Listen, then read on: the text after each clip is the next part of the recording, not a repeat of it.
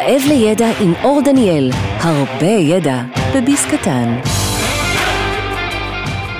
ברוכים וברוכות הבאות לעוד פרק ברעב לידע, והיום אנחנו הולכים לדבר עם אור אגדי מלר, היא היום מנהלת הלמידה והפיתוח הארגוני בישראכרט, היא אשת שטח בארגונים עם רזומה של 20 שנה בתחום אה, פיתוח הלמידה, ניהול למידה, ייעוץ ופיתוח ארגוני בחברות לוקאליות וגלובליות, ואנחנו הולכים לדבר על איך מטמיעים שינוי. אור, אני אשמח ש... קודם כל אני מאוד מתרגש, תודה רבה שהסכמת, אה, ואני אשמח שתציגי את עצמך. טוב, אז קודם כל, שלום ותודה אור שהזמנת אותי, אור ואור, זה כבר אנרגיות טובות. אז אני אספר קצת באמת אה, על הרקע שלי אה, בעולם הלמידה, פיתוח ארגוני, אני עוסקת בשניהם. אז למעשה הכל התחיל בצבא, הייתי קצינת סאפה, האמת שזה משהו שהשלב הראשון הזה ככה הגיע אליי, פחות בחרתי בו, אבל מבחינתי זו הייתה התרגשות גדולה, משהו שמאוד אהבתי, אבל לא היה לי שמץ של מושג שהדבר הזה הולך ללוות אותי אחר כך בחיים המקצועיים. אה, בתקופת הלימודים בעצם, אה, ככה כמו כולנו, התחלתי לעבוד אה, בכל מיני משמרות לילה שכאלה בחברת סלולר, והאמת כבר מההתחלה מאוד מאוד כיוונתי להגיע למחלקת למידה ופיתוח ארגוני. לא כל כך הבחינו בי בארגון בהתחלה, אז הייתי צריכה לעשות מעשה. באותו זמן יצא מכשיר חדש, למאזינים שלנו שלא זוכרים את הימים בלי פלאפון, בסדר? אז, אה, אז היה מכשיר עם וידאו, זה היה מטורף. ויצרתי איזה חו... משהו חווייתי, מרוץ כזה, שבאמת אה, מסתובבים בארץ, מרוץ למיליון כזה, שמלמד בעצם על הטלפון. זה משהו שמאוד מאוד תפס, וביקשו ממני לבוא ולהרחיב את זה ולעשות את הפעילות הזאת ממש לכל המוקדים. זה בעצם פילס את דרכי אה, למחלקת למידה. אה, שזה ככה טיפ על יזמות, על אה, פרואקטיביות באופן כללי, אני חושבת שיש פה בטוח אנשים שככה תעשו משהו יוצא דופן, זה מצליח. התחלתי מיקרו, מקרו, ניהול למידה, פיתוח למידה, ככה, וחשבתי שממש נגעתי בהכל, ואז פתאום הגיעה הצעה לעבור לחברה גלובלית, פתאום כל חוקי המשחק משתנים, עשיתי שם תקופה מאוד מאוד ארוכה, כיפית של אה, פשוט כאילו סקלביליות מטורפת של פתרונות, עולם הלמידה מרחוק מאוד מאוד ריתק אותי, עוד זה היה לפני ימי הקורונה, ובעצם אה, שם גם עשיתי איזושהי התפתחות מקצועית, אה, ואז הרגשתי שמשהו חסר, כבר אחרי הרבה שנים בתחום, ולמעשה מאוד משך אותי עולם הפיתוח הארגוני. בהקשר הזה המעבר היה לקח קצת יותר זמן, אני חייבת להגיד ש-on top of מה שעשיתי, פשוט ניסיתי לעשות את זה, שזה גם אולי עוד איזה שיטה ככה לבוא ולהרחיב את המנעד של מה שאתה עושה.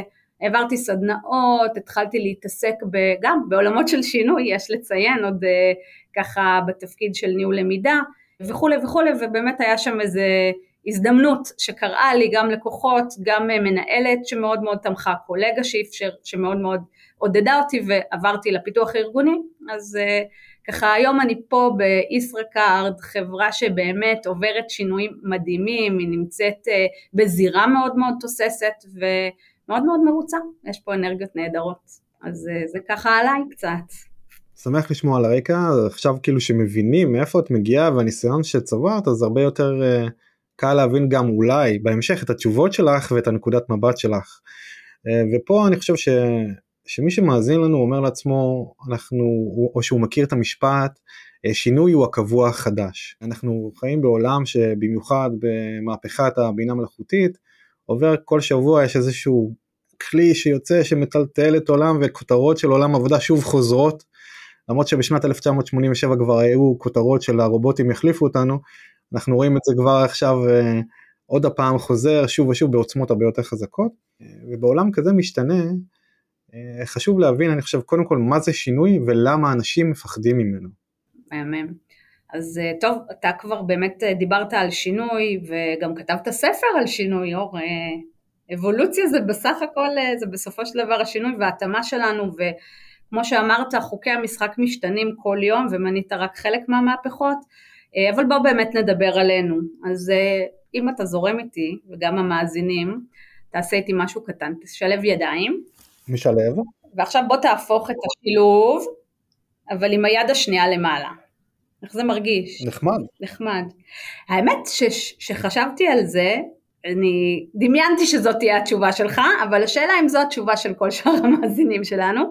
כי אתה בן אדם שמאוד אוהב שינוי מור, אז uh, אני חושבת שאם אולי כן נצלול טיפה לתחושה, קודם כל, א' זה באמת נחמד, שינוי זה משהו שיש בו גם משהו מרגש, אפילו סקסי, הוא טומן הזדמנויות, אבל כאילו בתחושה הגופנית, מה שרציתי אולי טיפה לחדד, יש גם איזושהי אי נוחות, מתחבר לזה?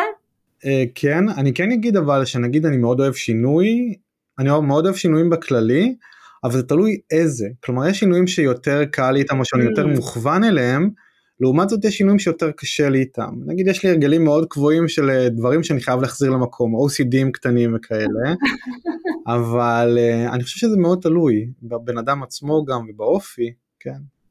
אז אתה צודק, אה, יש דברים שבאים לנו יותר בטוב, פחות בטוב, אה, נשאר רגע בציר האישי ואחר כך נעבור לארגוני, אני חושבת שבארגון באמת דברים אלינו, באים אלינו דברים שבאמת לא אנחנו בחרנו, לא אני בחרתי את השינוי הארגוני ש, שנופל עליי או את המערכת החדשה, אז שם נתייחס אולי לשינוי שמגיע אלינו.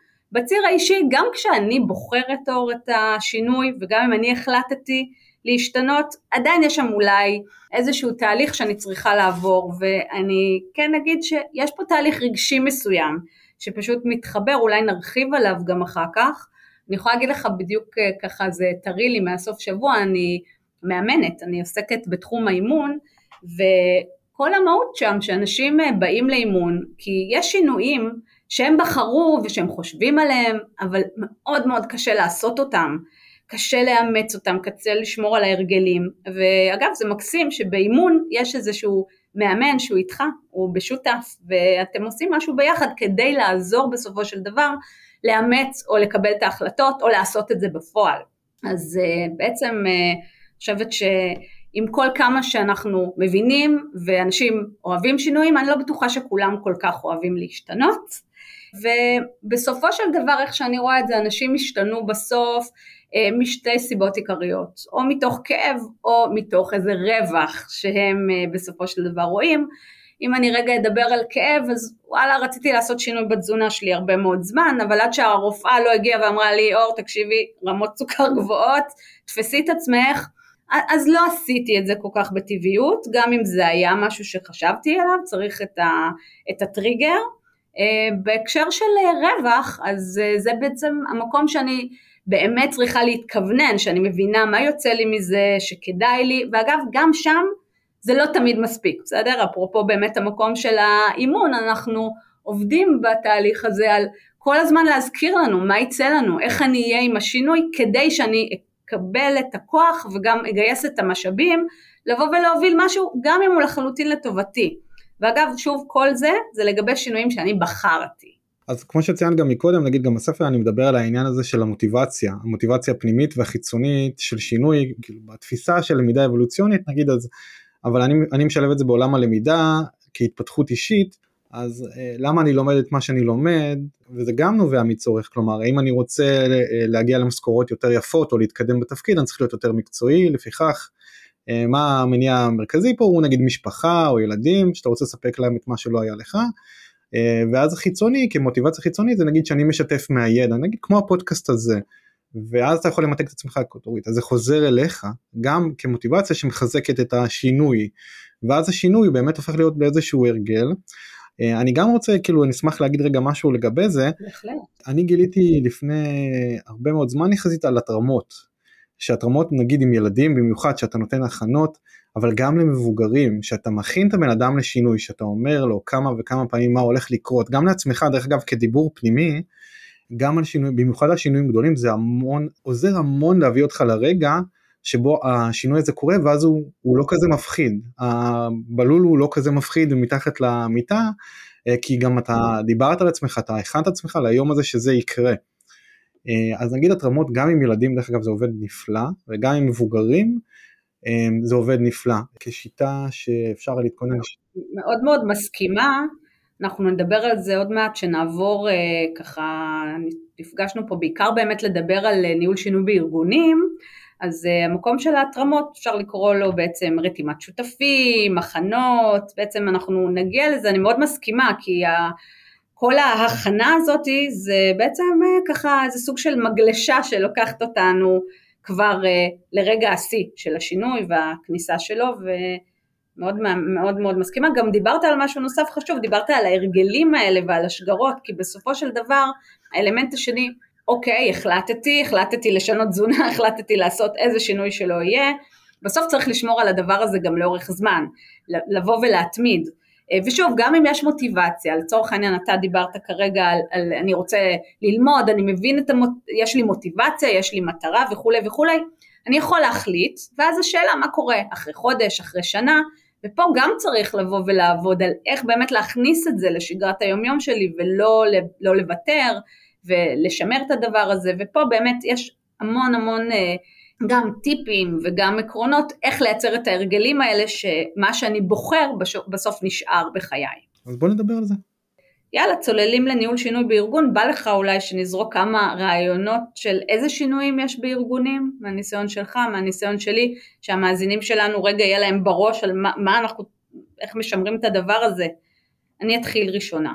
נניח אה, שינוי תפקיד מסוים, בסדר? היה לי פרויקט דווקא בתחילת הדרך, שתפקיד סופר אסטרטגי בארגון, זה ארגון גדול, אז היו רבים שמילאו את התפקיד הזה, ממש השתנה מהקצה לקצה.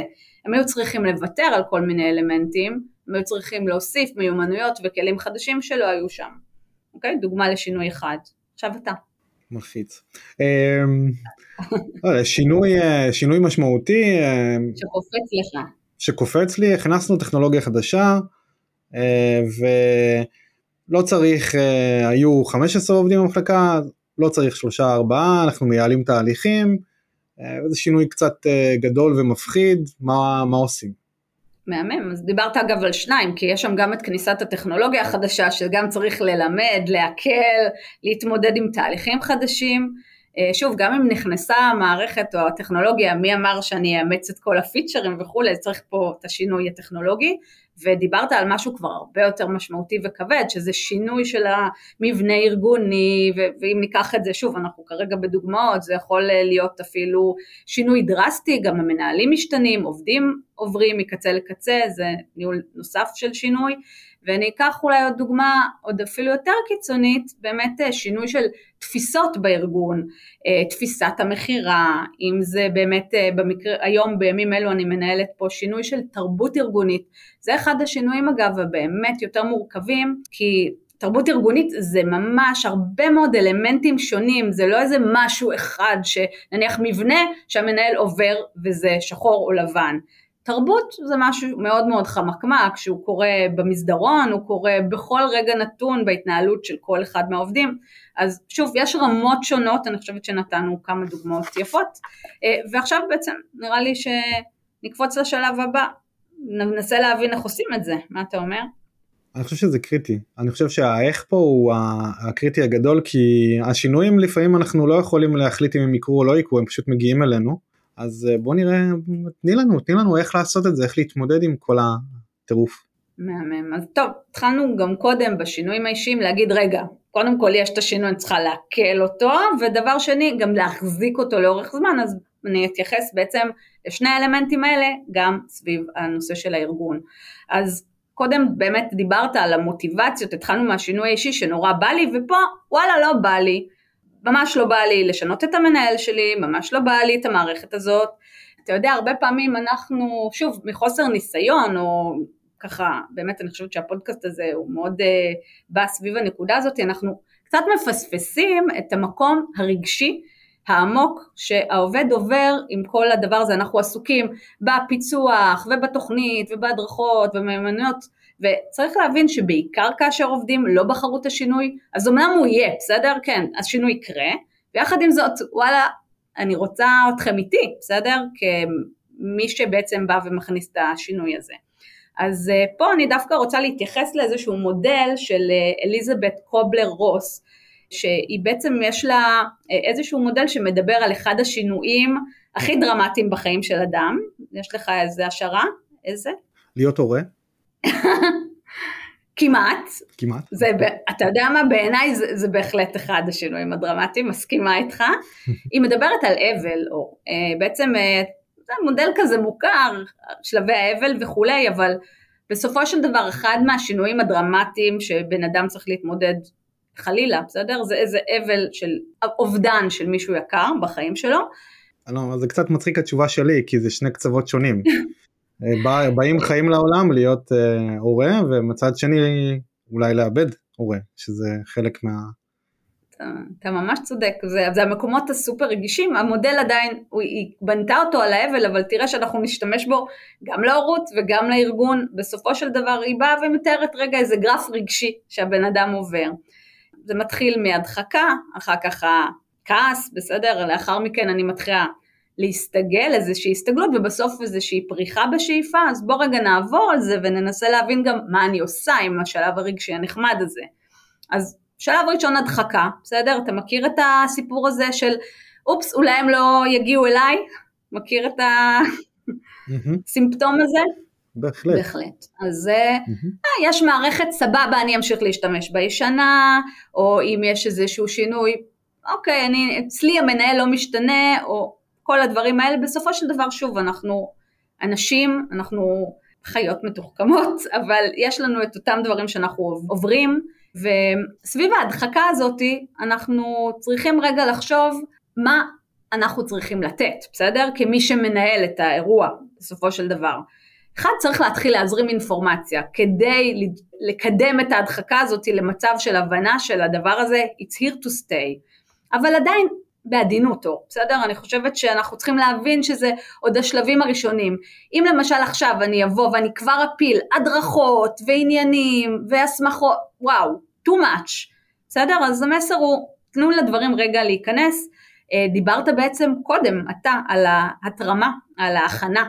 אז זה השלב בעצם שאנחנו מתחילים את ההכנות שלנו, אנחנו מתחילים עם תקשורת, טיפה אחר כך נרחיב אולי על אותם מסרים, אבל אה, כן, כמהות, אנחנו צריכים להתחיל לתקשר את הדברים, it's here to stay, להתחיל להבהיר מה הולך לקרות, אבל עדיין באיזושהי רמה של היי לבל, בסדר? ככל שניכנס יותר לפרט, לפרטים, אנחנו צריכים להבין שאנשים עדיין לא איתנו.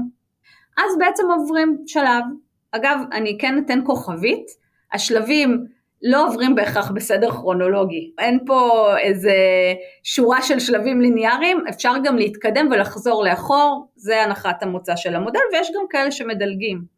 שלב השני הוא שלב הכעס, הסיפור של הכעס הוא, היה פה איזה חוזה פסיכולוגי, התרגלנו, הכל היה טוב, אתה היית המנהל שלי, מה אתה עוזב, בסדר? כזה.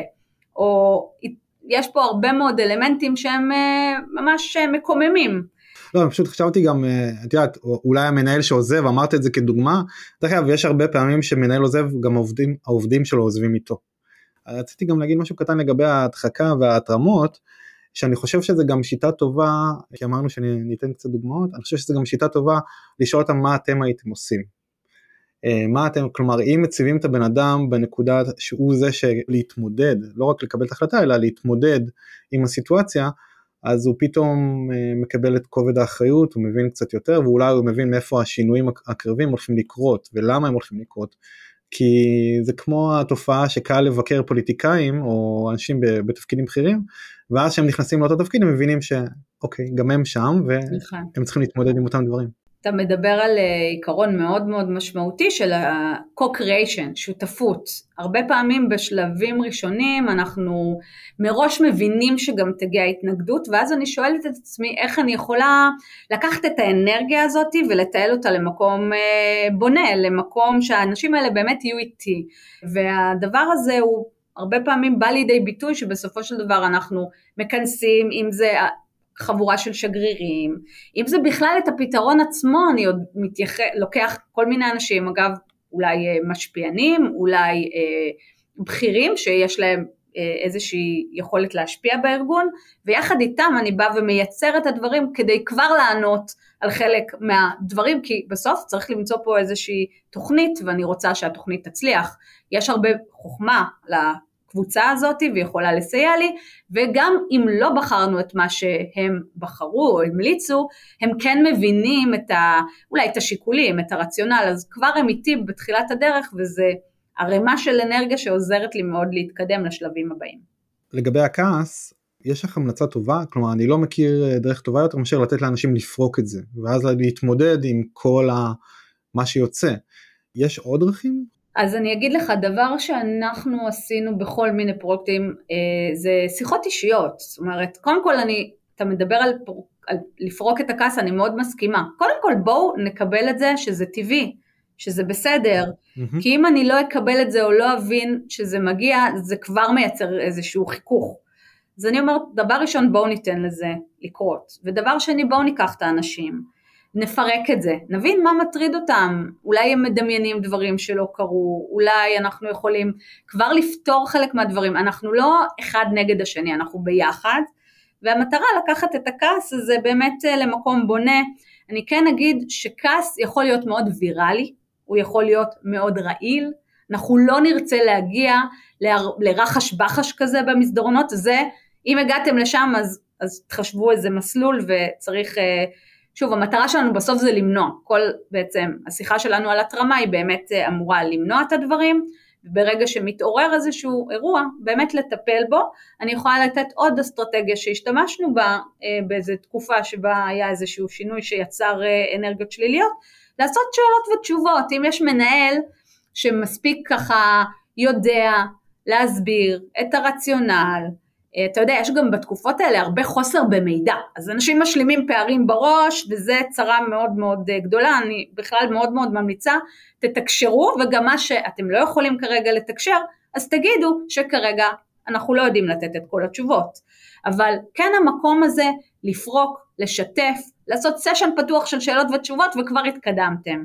אז כן, יש כל מיני דרכים בהחלט, אה, זה אגב אני אגיד, הכעס הוא לא תמיד יהיה כועס כמו שאנחנו כרגע מדמיינים את העובדים המתלהמים, זה יכול להת, להתבטא גם בהתכנסות במישהו שאולי מדוכדך, ודיברת גם על אותם עובדים שיחליטו ללכת, זה באמת ביטוי של כעס שקט. מטרה שלנו למנוע, ובשיחות אישיות אפילו לצוד את אותם אנשים ומראש להבין, להבין את הקולות, לנסות לתת מענה. אנחנו לא יצאנו לדרך בגלל שהתחשק לנו, לא קמנו בבוקר והחלטנו לעשות את השינוי. אז באמת כל השלבים הראשונים הם ההזדמנות שלנו, ואחר כך אני, ככה שנגיע לאיך אתה מנהל את השינוי, אז השלבים הראשונים האלה זה הבמה שלנו להסביר מה הסיפור שלנו, מה קורה. נקודה אחת אחרונה, הפרודוקטיביות, לא דיברנו עליה. הפרודוקטיביות בשני השלבים הראשונים מאוד מאוד יורדת, ולכן האינטרס שלנו לעבור אותם כמה שיותר מהר, שוב הם בלתי נמנעים, ואנחנו בעצם רוצים לעבור לשני השלבים הבאים שהם כבר אם ככה הפרודוקטיביות ירדה עכשיו היא מתחילה לחזור לעצמה. ואנחנו רוצים להגיע לשגשוג, לצמיחה, אז בהתחלה זה לבדוק את הדברים, למצוא את מקומי מחדש, להתמצב, ללמוד את ה... שוב, אנחנו אולי מדמיינים ניהול של שינוי ארגוני, אבל זה יכול להיות גם להשתמש במערכת, או להתחיל לבחון את התפיסות החדשות, כלים חדשים, ואז לאט לאט יש פה גם את ההזדמנות, הרי יצאנו לדרך כי היה לנו איזה משהו נורא נורא מרגש, בסדר? בראש שהולך להיות פה איזשהו משהו משמח בסוף, כאן זה מתחיל להגיע, ואנשים מתחילים לאמץ את הכלים, את ההזדמנויות, אולי להשתנות, אולי ללמוד. כשאנחנו כבר שם, זה השלב להתחיל בהדרכות, בהכשרות, בלתת את הכלים, שם כבר יש את הקשב שבו אני רוצה להצמיח, אני רוצה לאפשר לאמץ, אני רוצה לוודא שהדברים בעצם אה, מתחילים להיכנס למציאות היומיומית, ופה בעצם באופן מיידי אנחנו עוברים לשלב של שימור השינוי במציאות הארגונית, כדי שהדבר הזה לא יהיה איזה אפיזודת בת חלוף, אתה בטח מכיר את זה אור, שיוצאים לדרך, כל תרועה, כולם בקשב איזה שבוע, שבועיים, חודש, חודשיים, ואז מה קורה? חוזרים לעבוד כרגיל מה שהיה קודם.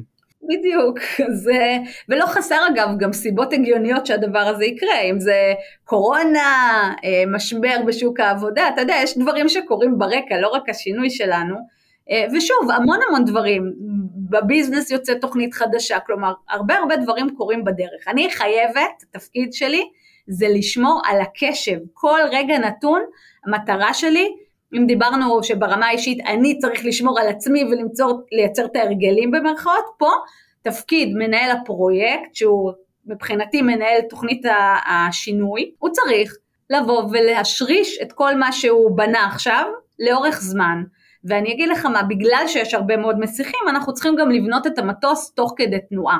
אנחנו חייבים לעבוד במודלים גמישים, כי מה שאולי אם אני מתכנן ונשאר דבוק לתוכנית שלי, יכול להיות שאני פשוט מפספס כל מיני דברים שקורים בדרך, המטרה היא שבסופו של דבר אנחנו נייצר איזשהו צוות שכל הזמן ממשיך לתחזק את האירוע ושואל את עצמו מה צריך עכשיו, מה, מה הארגון צריך עכשיו, אה הם לא כל כך מחוברים למטרות, אוקיי יופי בואו נעבוד על יותר, אה, על, על תקשור של ה-reason why, של הרציונל, אמ, נניח אנחנו מגלים שהדברים לא מספיק הוטמעו, אני בוחר בהדרכה, אני, יש פה הרבה מאוד כלים, אני מאוד, עוד מעט ארחיב על חלק מהם, אבל בסופו של דבר אנחנו רוצים שהשינוי יהיה חי וקיים, כל הזמן לעורר את הקשב וממש, שוב, מבחינתי, תדמיינו תוכנית שאתם באים ועושים עם חודשים קדימה, יש איזשהו uh, high level, אבל צוות נפגש וכל פעם שואל את עצמו, זה מספיק טוב, זה לא מספיק טוב,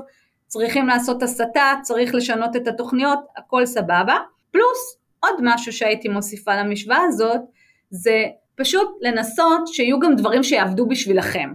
לא כל הזמן רק להמציא את הגלגל ולהביא את ההתערבויות המדוברות, אלא תנסו דווקא למצוא את הדברים שהם גם ככה שם, שגרות ארגוניות, שגרות שגם ככה קורות בארגון, הערכת ביצועים, הוקרות, מצטיינים, תהליכי פיתוח עובדים, קורס מנהלים, תשאלו את עצמכם, איפה אני יכול להלביש איזה קפסולה, איפה אני יכול להיפגש עם האנשים, לדבר איתם, להעביר את המסר, ללמד, וואטאבר, מאוד מאוד תלוי בשינוי, אבל תתלבשו על הדברים הקיימים, ככל שזה ייכנס, כמו אגב בשינוי האישי, ככל שאני אתלבש על שגרות קיימות, אז יש לי סיכוי יותר קל להצליח. אני לגמרי מסכים, יש פה טיפים נפלאים, אני גם חושב שאת יודעת, בהרבה פעמים גם צריך להכניס את זה ליעדי העובדים, ליעדים עצמם כחלק מהשגרות ניהוליות, Uh, סתם דוגמה אם השינוי הוא הכנסה של מערכת חדשה אז לבדוק באמת אחוזי שימוש במערכת או שימוש בצורה שוטפת וממש לשקף לעובד איך, אה, איך הוא האם הוא עושה את זה בסדר לא בסדר מה רמת התפקוד שלו במערכת ו- ולקדם את זה אני חושב שזה גם חשוב ב- ב- בכל מיני צורות אחרות של לשלב את זה גם לאחד הדברים החשובים שאת אמרת לשיחות האישיות כי בסוף הארגון מורכב מפרטים ואותם פרטים הם בעצם הארגון. ואנחנו בני אדם, אנחנו לא מכונות ואנחנו חייבים שידברו איתנו, אנחנו חייבים שנבין את הרציונל של השינוי, אנחנו רוצים להרגיש חלק מהשינוי אה, ולא כגורם זר, אה, ואני חושב שככל שאתה תרגיש זר יותר לשינוי, אתה תבחר ללכת. ככל שאתה ממש. תרגיש יותר מחובר לשינוי, אז אתה תבחר להישאר ולאמץ את השינוי. מהמם. גם בפן האישי. ומה שאתה מדבר זה מנגנוני באמת הבקרה והדברים שיש בידיי כדי לראות שזה זז, בסדר? להשתמש ב, ביעדים זה מאוד מאוד קלאסי. אה, ככל שהשינוי יהיה יותר אסטרטגי, באמת יהיה לך את הדרך להגיע לשם, לבוא ולהציע להכניס את זה במודל התגמול, לבוא ולהגדיר את זה כמודל של הצטיינות או כל דבר אחר, שוב, יש שינויים שהם לצערנו הכלים האלה לא עומדים לרשותנו, אבל אה, אז נמצא את הכלים האחרים, בסדר? זה בדיוק המקום היצירתי בעיניי והכיפי, שבכל אה, פרויקט תוכנית הש... אה, ניהול השינוי לצורך העניין היא נראית אחרת, כמו תוכנית התקשור שנראית אחרת, ויש באמת המון המון כלים ואולי נגיע אליהם עכשיו, כי ככה כבר דיברנו אור לדעתי על לא מעט אתגרים וגם זרקנו קצת טיפים, אבל בוא באמת נצלול ממש לעומק סביב אה, איך תכלס עושים את זה. ובהקשר הזה אני מציעה להתבסס על המודל אה, של ג'ון קוטר, שהוא בעצם אחד מהפרופסורים שהכי ככה בולטים בתחום הזה של המנהיגות וניהול שינויים, והוא מפרט שמונה שלבים ליישום שינוי. אז גם המאזינים שלנו יוכלו להרחיב אחר כך ולקרוא בנפרד, אני לא אתייחס ממש לכל שמונת השלבים, גם דיברנו על חלק מהם פה ושם בדוגמאות, אבל אני כן רגע אוסיף על מה שנאמר. אז אתה כבר דיברת בעצם על, על המטרה, על להנכיח כאילו את הסיבה, אז, אז בואו באמת נתחיל מההתחלה. קודם כל, אנחנו צריכים לייצר איזה sense of urgency ולספר פה את החזון. אם אני התעוררתי בבוקר והחלטתי לעשות משהו, באמת, כנראה שהדבר הזה סופו להיכשל. רוב השינויים שאנחנו כן באים ומנכיחים בארגון, יש להם באמת סיבה, יש איזה צורך עסקי.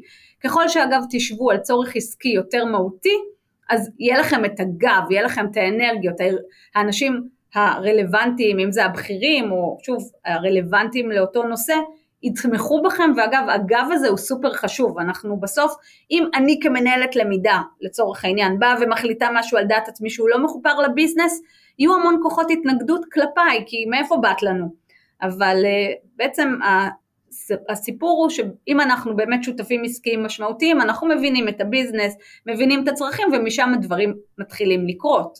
ועכשיו זה הזמן לבוא ולספר את הסיפור שלנו, מה הולך לקרות ולמה הדבר הזה יגרום לנו לאיזה משהו יותר טוב, ואיפה החזון שלנו. קוראים לזה הרבה פעמים לספר את הסיפור, או ככה, בסופו של דבר זה כולל קודם כל מה אנחנו רוצים להשיג, וגם יש פה את כל האמילי למיניהם, אם זה הרציונלים, ואם זה הסיבות, ולמה בחרנו את זה, ואיך הדברים הולכים להיראות, זה משהו סופר התחלתי, שוב אנחנו חוזרים למילה הנהדרת שלך, התרמה, ככל שנתרים, ככל שנשתף את הדבר הזה בשלבים יותר מוקדמים, עוד לפני שכולם יודעים, בואו תתחילו מהאנשים הרלוונטיים, אם זה שוב בסוף גם יש משמעות אה, לכוחות בכירים בארגון, זה יכול לרדת החל מן המנכ"ל, ההנהלה, שוב, יש שינויים שהם בסדר גודל כזה, אז אנחנו באמת רוצים שכולנו נהיה אחידים עם הסיפור. אגב, היה לי איזשהו פרויקט שהוא היה פרויקט אה, של שינוי מאוד דרמטי, שהייתי מעורבת בו והייתה שם מנהלת פרויקטים, היה לה איזשהו סיפור, והבחורה, אני באמת אה, לא מגזימה, במשך שנה רצה וסיפרה באופן עקבי את אותו הסיפור. עכשיו בהתחלה לא הבנתי את העניין, אמרתי מה קורה פה, ואז הבנתי שוב את הערך של איזשהו סוג של משהו מאוד מאוד אחיד, יש לנו מטרה, יש לנו איזשהו משהו קליט שאנחנו עוזרים לארגון לבוא ולהקל, וזה לא מתפזר לי, אין פה גרסאות. והדבר הזה באמת מאוד מאוד סייע לבוא ולהרחיב את השינוי ולהפיץ אותו, כי אנחנו לפעמים מדברים על, על, על הרבה מאוד עובדים, בסדר? זה נורא קל שאנחנו בשולחן שלנו מדברים על איזה משהו, אני בסוף צריכה שה... ראשון העובדים, אני לא אוהבת להגיד אחרון העובדים, אז ראשון העובדים גם ידע לדקלם. ככל שיהיה את הסיפור הזה והוא יהיה יותר בהיר ואני אפיץ אותו ואתקשר אותו, אז יש לי פה ווין ראשון. לא, זה מעולה, כי בגדול הרבה פעמים זה נופל על זה שהסיפור לא אחיד, או שהוא עובר מפה לאוזן והוא לא מדויק. אמ, אז זה מאוד קריטי פה החזון, מאוד חשוב להתמקד אליו. אבל אני חושב שזה גם תקף כמעט לכל דבר, לא רק לשינוי, כי ברגע שאתה יודע שהסיפור הוא ברור והחזון והמטרה שלך היא מול עיניך, אתה יודע לאן אתה הולך. וזה חשוב במיוחד כארגון, כי כולם צריכים ללכת לאותו כיוון ולהתיישר, לא?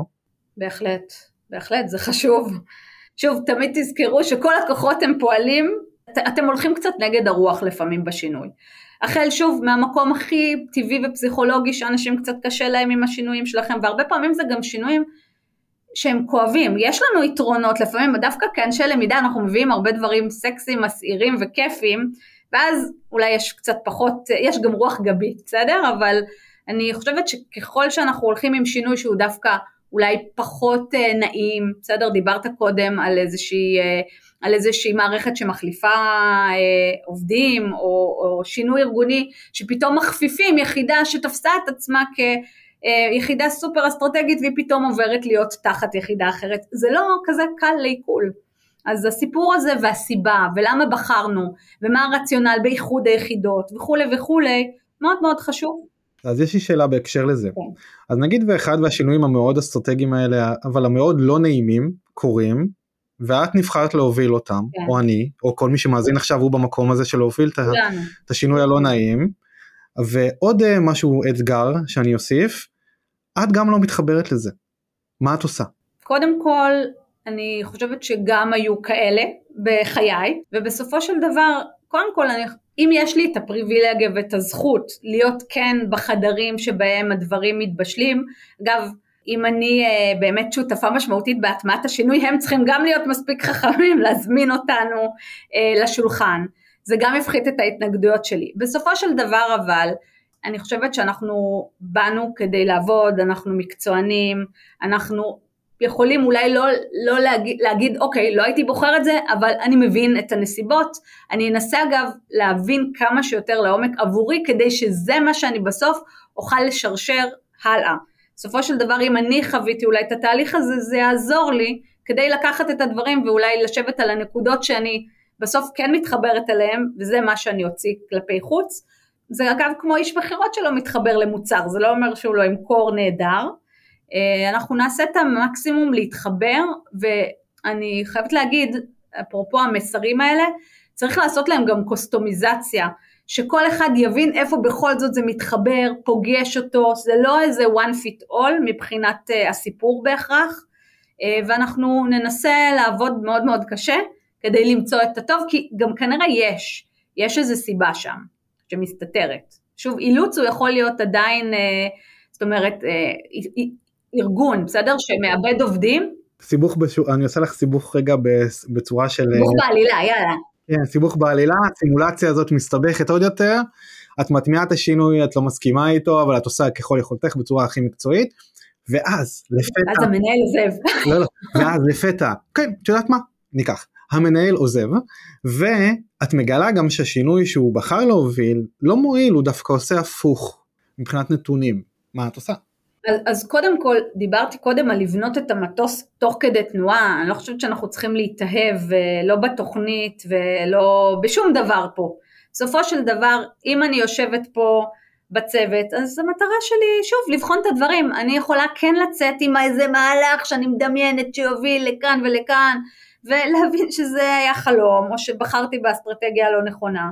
בשביל זה הצוות הזה, ואתה יודע מה, בוא, בוא רגע באמת נדבר על הצוות הזה. אני באמת חושבת ששינוי מספיק uh, משמעותי. צריך שיהיה איזה, אני קוראת לזה הקמבצייה, אייטים, תקרא לזה איך שאתה רוצה, בסדר? זה אותם אנשים שאתה זוכר אותם עוד מההתחלה, שהם היו גם בלהמציא את ההמצאה הזאת שהייתה נראית לנו הגיונית, אז הם רצים את הדרך, זה מרתון, זה לא ספרינט. ואנחנו צריכים להמשיך לרוץ ו- וכל פעם לקבל החלטות וזה לפעמים החלטות קשות. ולפעמים גם באים ואגב אותו פרויקט של האיש שרצה עם הסיפור הרבה מאוד זמן אחרי שנה ראינו שזה לא היה הצלחת ההצלחות. וגם מצאנו את הדרך למס, למוסס את זה או שוב אנחנו, אנחנו חיים בסביבה סופר דינמית ואם אנחנו באמת אה, נהיה הגונים, מקצוענים, אז גם אנחנו באמת אה, נמצא את הדרך אה, לבוא ולהתאים את עצמנו. אני, אני אגיד, מנהל זה קשוח אגב, הסיבוך שלי יותר קשוח, כי יש פה תפקיד מאוד משמעותי למנהל ולרוח הגבית, ותחשוב שמישהו בא והוא מוביל איזה משהו ופתאום מתחלף, וואלה אין לך כאילו, אין את, ה, את הרוח, את הכוח, גם פה, אפרופו באמת השינויים בתוכניות, צריך לראות אם המנהל החדש מתחבר, לא מתחבר, ובאמת התוכנית כנראה תצטרך לעבור שינוי מהותי.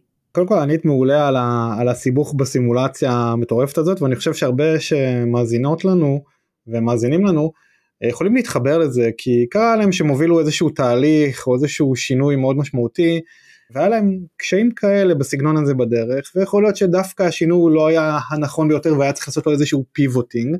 אנחנו חיים בעולם אג'ילי ודינמי ומורכב ומסובך ואין תשובה אחת ולא הכל תמיד מדויק ולא תמיד הכל ברור וצריך פשוט לדעת אה, למפות את התהליך גם לאורך הדרך ותמיד לבדוק דופק כלומר שזה באמת וזה מהתשובות שלך הדבר מהתשובות שלך זה הדבר הכי קריטי פה זה תמיד לבדוק דופק שזה באמת הדבר הנכון ואיך שאנחנו עושים אותו זה בצורה הנכונה ושכל המרכיבים באמת אה, נאספים ככה בדרך הנכונה שאנחנו רוצים. אני חושב שפה כדאי אולי להמשיך לשלב הבא אה, קואליציה רחבה והסרת חסמים נכון זה קריטי גם. אז, אז בהחלט, אתה, שוב, אתה לא יכול לצאת לדרך עם איזה משהו שאתה פיתחת לעצמך בראש, אמ, ופה כאילו, אני רוצה לדבר על השותפים שלנו. כדי לבוא ולהוביל שינוי, יש פה כל מיני אלמנטים, ולכן רצוי שיהיה נציג של כל מיני point of view כאלה. שוב, אם זה שינוי טכנולוגי, אז שיהיה מישהו מטכנולוגיה, אפרופו באמת הדברים שאנחנו עשויים להיתקל בהם.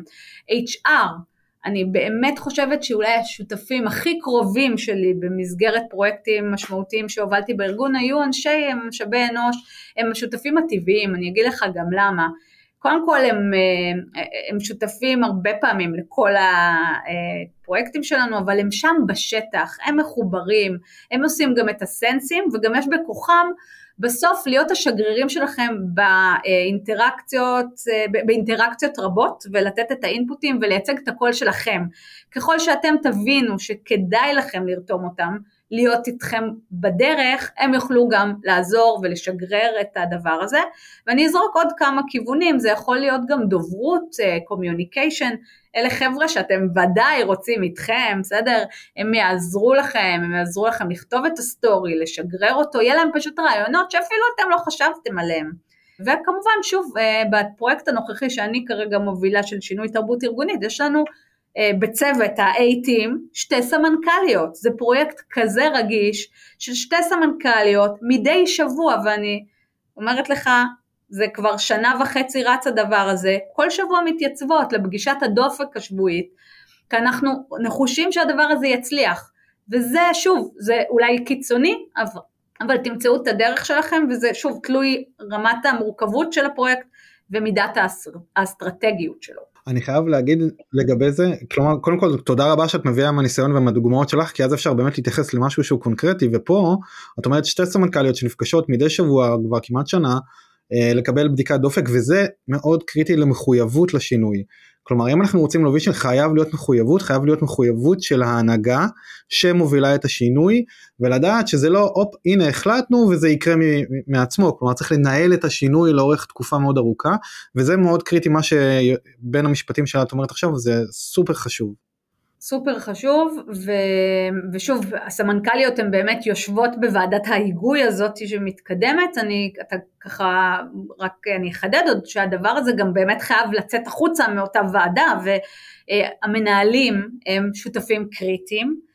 כן אני אתן אולי עוד דוגמה חיה מהשטח, אנחנו הגדרנו בפרויקט שלנו של שינוי תרבות ארגונית, כרגע מנהלי ביניים, זאת אומרת מנהלי המחלקות, הם בכירים, הם בסוף אלה שבשטח, הם ייקחו על גבם את כל האירוע הזה, ולכן אה, סימנו אותם כקבוצה שהיא הולכת להיות איתנו כל הזמן בדריכות עם השינוי הזה. זה פעם ברבעון איזשהו כנס, איזה שהם כלים, סדנאות, קורסים, אנחנו המון המון משקיעים בהם כדי שהם יוכלו לשרשר את הדברים מטה. הסיפור של השרשור הוא גם עוד נקודה מאוד מאוד קריטית. בסוף, כדי ש... אנחנו לא נהיה מבסוטים מעצמנו והנהלה יופי מסונכרנים אבל בסוף אף אחד לא יהיה איתנו. אנחנו כל הזמן צריכים לחשוב איך אנחנו מורידים את זה, משרשרים את זה, מחיים את זה. אה, ואני אתן עוד איזושהי דוגמה שהיא באמת עיקרון, אה, עיקרון נוסף אה, של ניצחונות קטנים. הרי יש התנגדות. אמרנו היא עדיין שם, היא תמשיך אגב לצוץ, בסדר? אנחנו כל הזמן צריכים להראות שהנה התקדמנו, הצלחנו, כדאי להצליח, תהיו איתנו, זה משתלם. והדבר הזה הוא בסופו של דבר בידינו, וזה עיקרון נוסף במודל, אנחנו רוצים כל הזמן להנכיח את, ה, את הדברים הקטנים שקורים. דבר ראשון שפה בפרויקט הנוכחי שאני ככה טרי לי אז אה, יש לי דוגמאות שהן גם אה, מחיי היומיום שלי אנחנו אה, רצינו לאפשר לשטח לבוא ולהראות לנו איך אנשים כבר מאמצים, לא משנה במקרה הזה זה כל מיני אלמנטים תרבותיים. אז יצרנו קיר פרגון, הסברנו מה אנחנו מחפשים, ודווקא בוטום אפ ביקשנו מאנשים לבוא ולסמן לנו את אלה שכבר התחילו לאמץ.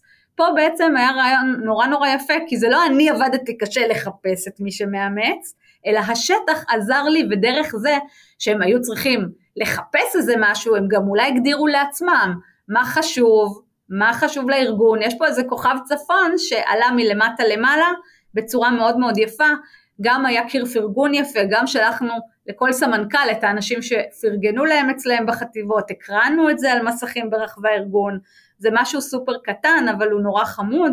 דבר נוסף, שינינו בעצם את הקריטריונים של המצטיינים שלנו, מצטייני מנכ"ל השנה, כל אחד קיבל איזה סרט מאוד מאוד יפה, ולקוחות באו ודיברו על אותו מצטיין בראי מה שאני רציתי לחפש, זאת אומרת במקרה הזה שוב זה תרבות ארגונית, זה דברים מאוד מאוד uh, משמעותיים, למשל פרואקטיביות, קבלת החלטות, אז הם במצטיינים באו ואמרו הבחורצ'יק הזה הוא מאוד ככה וככה ונתנו דוגמאות בשפת השינוי שאני רוצה לבוא ולתת לו את התהודה וזה בסופו של דבר יצר גם modeling מאוד מאוד חיובי של איך זה נראה בפועל וגם יש פה את במת המצטיינים של המנכ"ל, שווה לעשות את המאמץ ולהתאים את עצמי לשינוי כי בסופו של דבר יראו אותי ואני אצליח. אז אלו שתי דוגמאות אבל יש הרבה מאוד דרכים נוספות לבוא ולדבר על הצלחות. לא, אני חושב שאלה לא קטנות אלה דוגמאות מאוד גדולות דווקא אסטרטגיות ונפלאות שבאות מלמטה למעלה ומנכיחות גם את השינוי וגם את התרבות שאתה רוצה להוביל אותה. ואני חושב שזה נפלא גם כתהליך למידה למנהלים ולמחלקות עצמם שהם צריכים לחפש את השינוי ולמפות אותו ולהבין תוך כדי ולהראות אותו ולהציג מה זה עשה עבורם. זה פשוט נפלא. ואז חיזוק מבחינת המצטיינים שה... שזה נכנס לקריטריונים זה אחלה של חיזוק. אני גם הייתי רוצה רגע להגיד גם לגבי הניצחונות הקטנים גם להשוות את זה לעולם הלמידה זה פשוט תחושת מסוגלות. זה להגביר את תחושת המסוגלות ולהראות להם הנה אנחנו יכולים בצעדים קטנים baby steps להגיע אל החזון המטורף היעד ההר הגבוה הזה. הנה זה קורה וזה מגיע וזה פשוט הנה מאוד... זה קורה. אנחנו בדרך. ב... זה ככה הצעד הקטן. בדיוק. ככה מתחילים הכל בצעד אחד. אז, אז אנחנו מתחילים לשים זרקור על כל הדבר הזה. אגב, אני אגיד פה באמת כהערה מסכמת, זה לא קל. אני כל הזמן דיברתי על מה אנחנו עושים ועל הצוות ואיך אתה בא ומנכיח. שנייה אני רק אזכיר, גם אתם כמי שמוביל את השינוי, אחד תנשמו, זה קשה. לצד הניצחונות יש גם הרבה אכזבות, יש ימים שאתם תתעוררו בבוקר, תגידו וואו, לא מצליח לנו, הם לא, לא איתנו, אני מטמיע משהו והם עוקפים אותי, הם אה, מוצאים דרכים אחרות להשתמש, זאת אומרת, יש הרבה תסכול בדרך, ואגב, הצוות יכול גם מאוד אה, להכיל את, ה, את האכזבות, אה, ולחשוב קדימה, אנחנו פרקטיים, נכון? אז אנחנו אמנם נושמים, אבל אנחנו ממשיכים לחשוב קדימה, איך בכל זאת יכולים לקחת את זה מכאן להצלחה. לגמרי, גם, גם אני הייתי רוצה להגיד לגבי השרשור למטה, זה פשוט ליצור את המחויבות, שזה גם נפלא הדוגמה שהבאת והתהליך הזה הוא סופר משמעותי וחשוב. אני הייתי רוצה גם להוסיף אולי איזשהו טיפ אה, גם מעולם הלמידה לעולם השינוי שזה איפשהו תמיד ביחד. אה, כשאני נכנס לתפקיד, למשל אני ממפה את המומחה תוכן שלי בכל תחום אה, במקצוע, זה לאו דווקא לפעמים המנהל מחלקה, יכול להיות שזה מישהו שהוא סופר מוכשר מאותה מחלקה, לאו דווקא אה, מי שמוביל אותה. וגם פה זיהוי משפיענים ומאמצים מוקדמים. אחלה. כי אני גם טורח לעשות בהשוואה, בהשוואה למומחה המקצועי שלי, לא רק מקצועי, אלא הבן אדם שאני מזהה אותו כ... early adopter כזה. כן, כמשפיען, כזה שמכיר את כולם, כולם באים אליו, אוהבים אותו, אה, מוביל את המחלקה, כלומר אם הוא חיובי לגבי משהו, כולם יוביאו, יהיו חיובים לגביו, הוא משפיען, אני קורא במרכאות סוג של משפיען.